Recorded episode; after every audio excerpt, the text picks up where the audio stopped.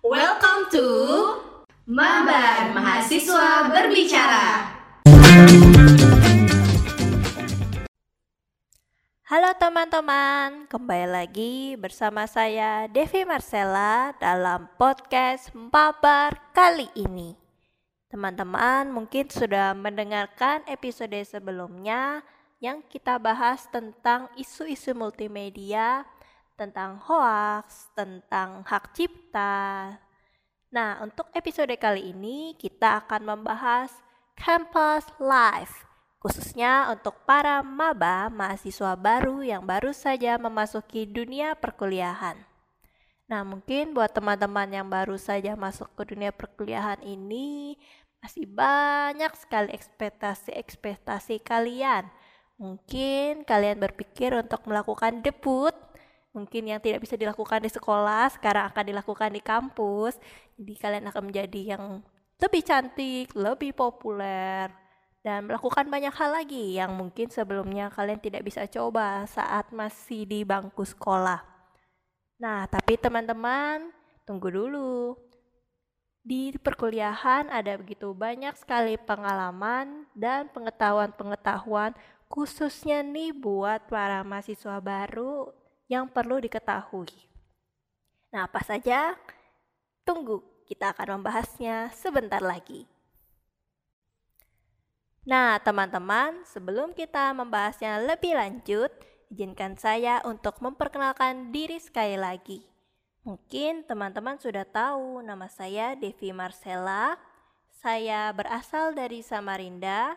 Saya adalah salah satu mahasiswi dari prodi Informatika Fakultas Teknik Universitas Mula Warman.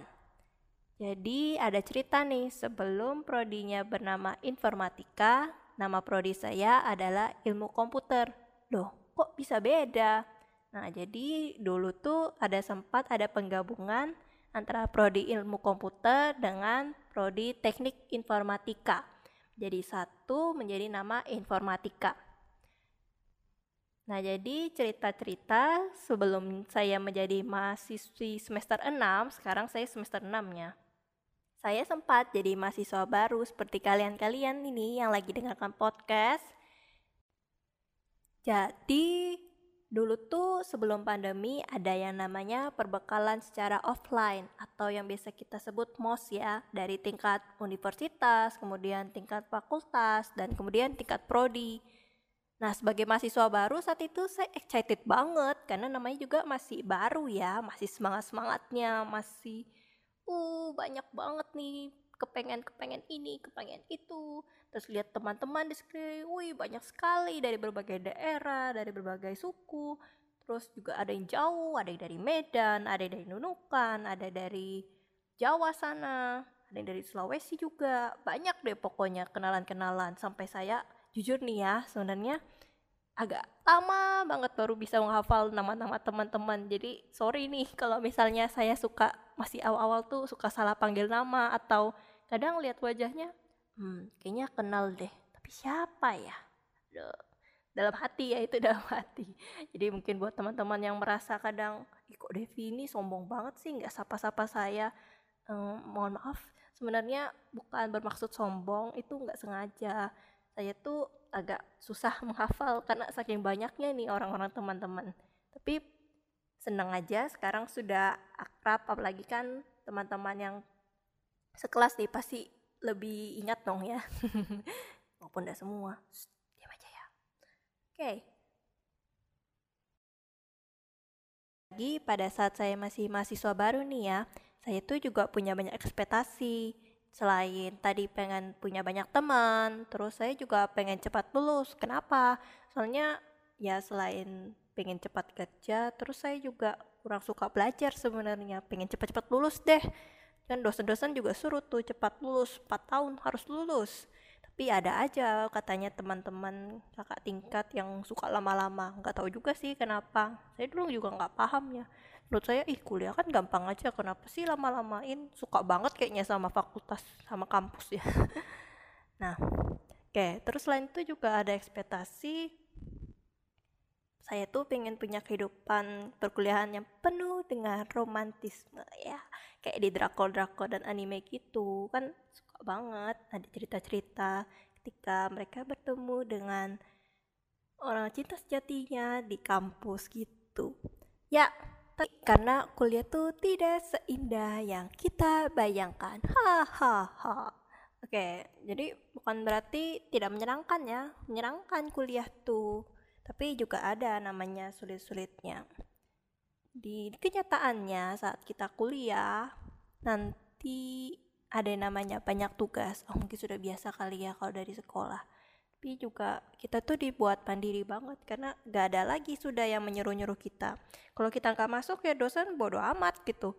Ya sudah paling kamu disuruh ngulang lagi semester depan. Hahaha. Ya itu kan yang salah satu penyebab ya bisa bikin kita tambah lama ini kalau kuliah. Nah selain itu juga mandiri ya benar-benar mandiri. Uh, terus juga mungkin teman-teman yang hidup kos kalau saya sih karena saya tinggal di Samarinda ya tetap sama orang tua ya tinggalnya. Tapi untuk teman-teman kos nih saya lihat kan dari kehidupan mereka mereka yang jauh dari orang tua pada kangen rumah. Oh aku pengen kembali ke ke daerahku lagi.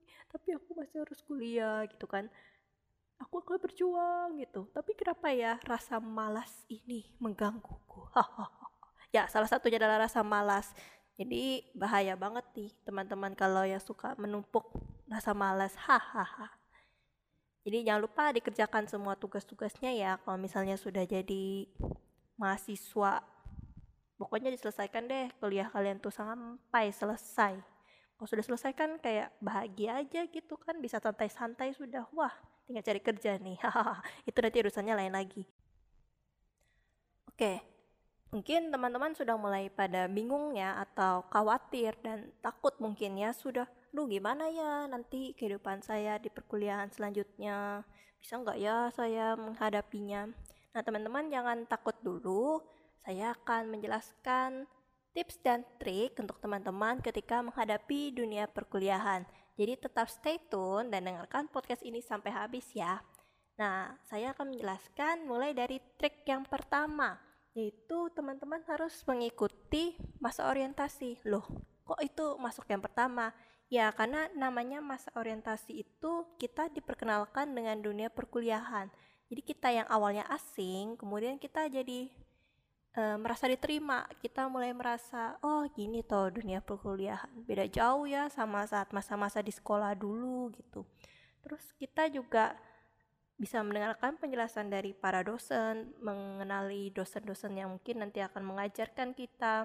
Terus kita juga bisa berkenalan sama kakak-kakak tingkat, bisa mendengarkan pengalaman mereka, share mereka, hasil mereka selama kuliah selama ini seperti apa, prestasi mereka.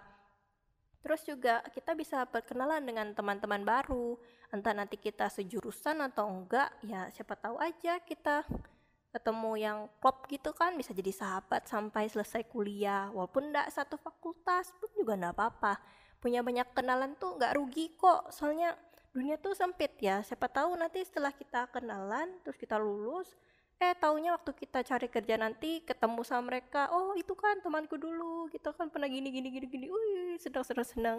Dapat relasi untuk bisa dapat pekerjaan.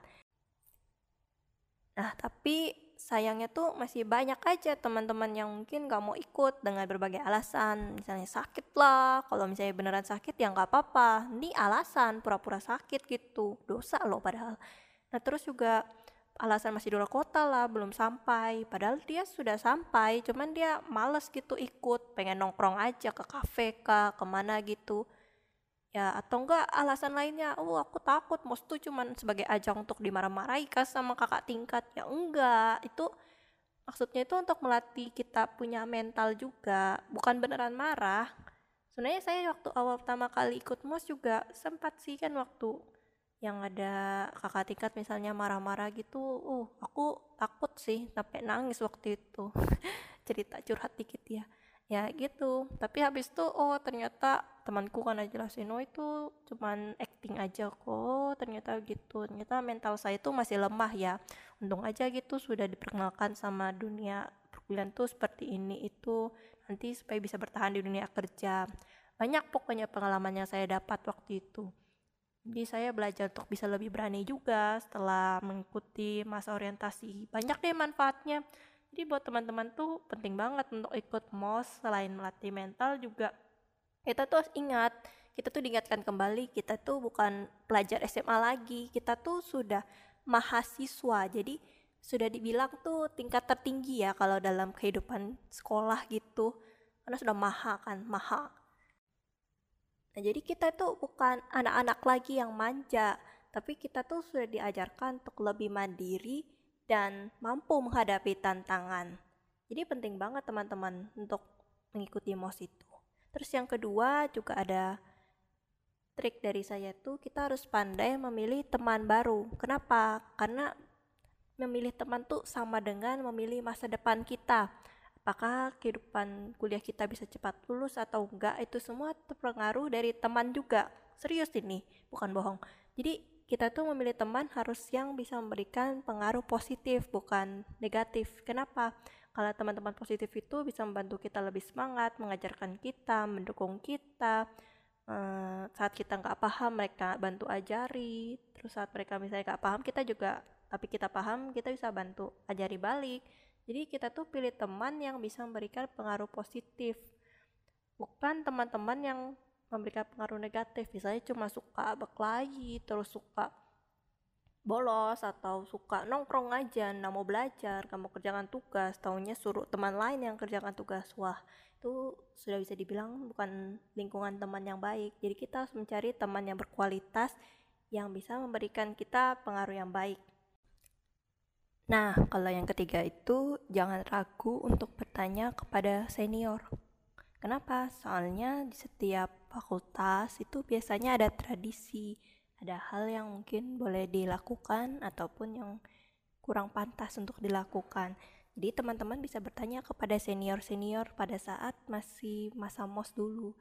Nah, terus teman-teman juga bisa terhindar nanti dari tipe-tipe dosen yang mungkin bagi teman-teman tuh killer gitu ya jadi sudah saat mengambil mata kuliah tuh sudah tahu oh dia adalah tipe dosen yang seperti ini seperti ini jadi nanti tips selanjutnya teman-teman harus pandai mengatur keuangan kalian mungkin tips ini lebih cocok untuk teman-teman yang hidup di luar rumah atau ngekos ya jadi teman-teman tuh kan sudah dipercayakan oleh orang tua kalian untuk bisa hidup mandiri.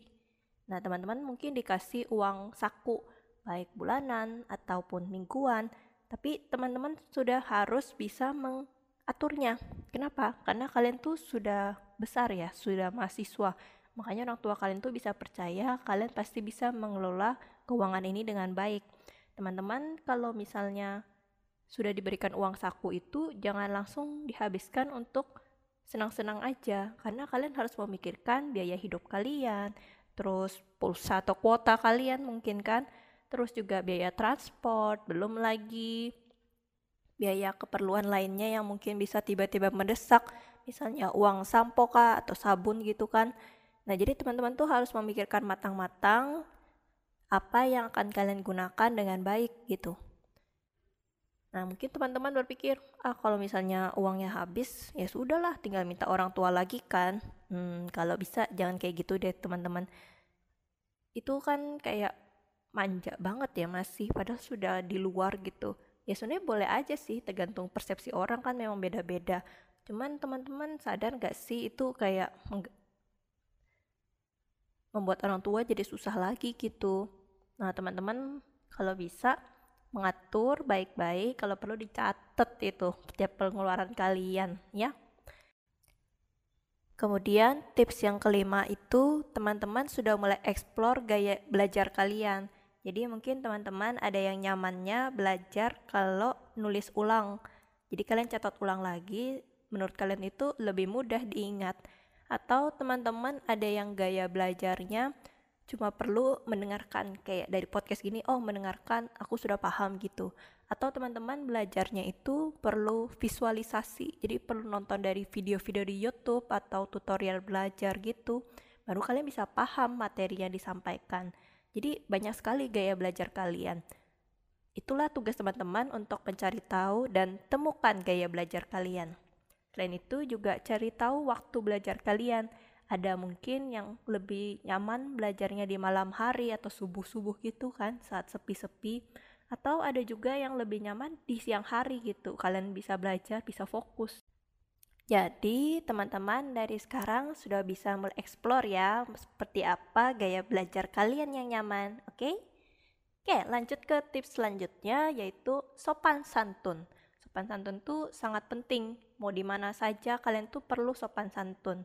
Mungkin teman-teman kebiasaan ya ngomong sama teman-teman bahasanya gaul, terus um, santai kan. Jadi kalian suka bercanda terus kelewatan terus suka pakai kata-kata kasar gitu kan. Tapi kalau pada saat ngobrol dengan dosen usahakan sopan. Kenapa? Walaupun dosennya santai misalnya kalian oh dosennya tuh baik kok nggak apa-apa lah aku bercanda-canda gitu. Bercanda boleh tapi tahu batas oke? Okay?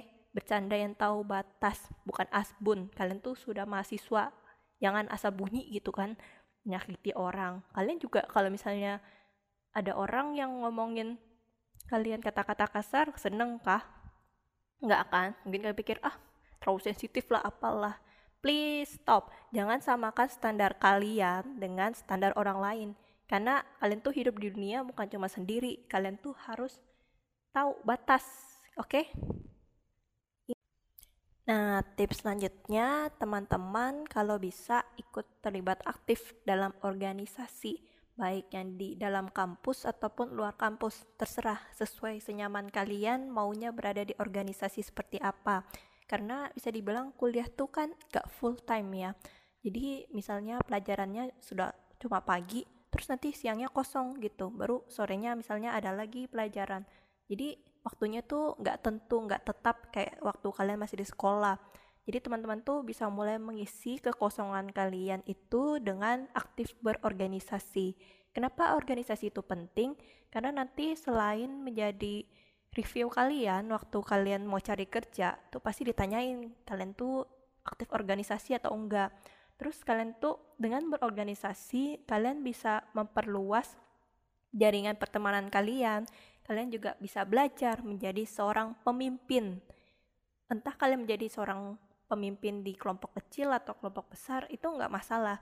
Karena ada yang namanya tanggung jawab. Jadi dalam organisasi itu kita pasti diserahkan berbagai macam tanggung jawab.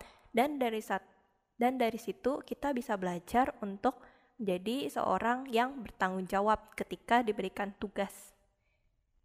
Jadi nggak ada ruginya deh kalau teman-teman ikut berorganisasi oke? Okay?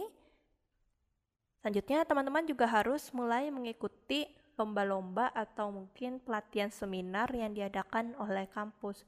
Kenapa? Karena bisa selain untuk jadi review, itu juga menjadi pengalaman buat kita untuk melatih soft skill kita. Soft skill tuh penting ya, jadi selain cuma cerdas di otak, kita tuh juga harus cerdas dalam berperilaku. Nah, tadi selain berorganisasi sama ikutin lomba-lomba, ini semua memberikan banyak pengalaman buat kita agar kita bisa lebih memahami dan siap kerja nanti saat sudah keluar dari dunia perkuliahan. Jadi dari sekarang teman-teman bisa mulai cari-cari lomba ataupun seminar-seminar pelatihan-pelatihan yang bisa menunjang soft skill kalian, oke? Okay? Kalau kalian sudah mencari semuanya itu, sekarang saatnya teman-teman harus pandai membagi waktu Kenapa hal ini penting? Karena tujuan utama kalian kuliah tuh belajar ya. Jadi jangan sampai sudah cari organisasi lomba-lomba, eh taunya mempengaruhi nilai akademik kalian gitu. Sampai nggak bisa lulus atau harus ngulang lagi semester selanjutnya. Kalau bisa jangan sampai seperti itu ya. Teman-teman harus pandai membagi waktu antara belajar, organisasi, lomba-lomba, Terus nongkrong tuh juga penting kadang-kadang bersosialisasi dengan teman-teman karena jangan sampai kalian kuliah tapi lulus tanpa temen. Itu menyedihkan banget ya. Karena kita tuh juga manusia, jadi kita tuh perlu bersosialisasi. Bayangkan kalau bisa kita cuma hidup sendiri di dunia ini, pasti rasanya hampa gitu. Karena kita makhluk bersosialisasi, jadi kita tetap perlu teman. Terus mungkin teman-teman ada juga yang merasa karena uang sakunya kurang jadi ambil kerja part time. Nah, itu harus lebih pandai lagi mengatur waktu. Kenapa? Karena kerja part time kan mungkin ada 6 jam, 8 jam. Nah, itu sudah hampir menghabiskan sepertiga dari waktu kita ya. Apalagi kan sudah ada waktu tidur juga. Jangan lupa, jangan sampai teman-teman tuh jatuh sakit, kelelahan karena nggak pandai mengatur waktu. Jadi, bagilah waktu kalian sebijak mungkin, sebisa kalian sesuai dengan kondisi tubuh kalian juga. Karena kesehatan tuh penting ya. Jangan sampai kalian tuh jatuh sakit terus bikin orang tua kalian khawatir, apalagi yang di luar daerah gitu kan. Jadi jangan terlalu berlebihan juga kalau misalnya mencari kegiatan terlalu banyak. Kalau memang gak terlalu penting, mungkin bisa ditunda dulu. Bukan berarti nggak dikerjakan, tapi ditunda dulu, dilihat yang mana prioritasnya, yang bisa dikerjakan duluan dikerjakan. Yang mungkin bisa nanti ya bisa nanti gitu. Tanya kayak kerja part time tuh nggak wajib ya. Jadi misalnya kalau teman-teman merasa kelelahan karena kerja part time dan mungkin merasa agak susah bagi waktu mungkin itu bisa nanti aja dulu. Semua ada porsinya dunia kerja itu nanti. Jadi teman-teman bisa kuliah aja dulu fokus dulu cari teman dulu cari relasi itu sudah lebih penting dan lebih cukup Nah, kalau misalnya teman-teman sudah mulai kesulitan finansial, bisa dari sekarang cari-cari beasiswa gitu. Karena pasti ada beasiswa yang memberikan uang saku atau setidaknya membayarkan uang kuliah UKT kalian. Jadi kalian tuh sudah pasti aman bisa menyimpan uang SPP kalian itu untuk biaya hidup yang lain.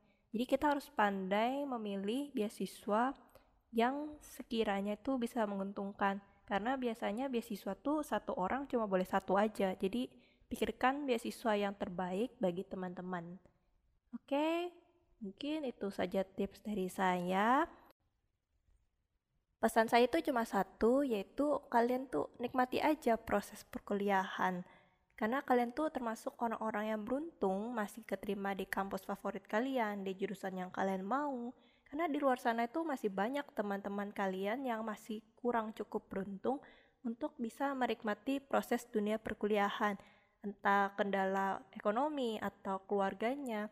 Pokoknya teman-teman tuh kalau bisa kuliah tuh sebaik-baiknya jalani aja.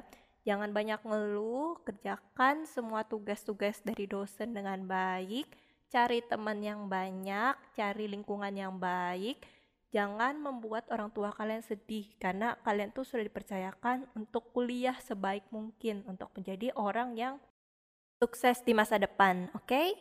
Nah, mungkin itu saja tips-tips dari saya untuk hari ini. Kurang lebihnya mohon maaf apabila ada salah dalam kata-kata. Terima kasih buat teman-teman yang sudah mendengarkan podcast ini sampai habis. Semoga bisa memberikan banyak manfaat untuk kalian. Oke, sampai jumpa. Bye bye.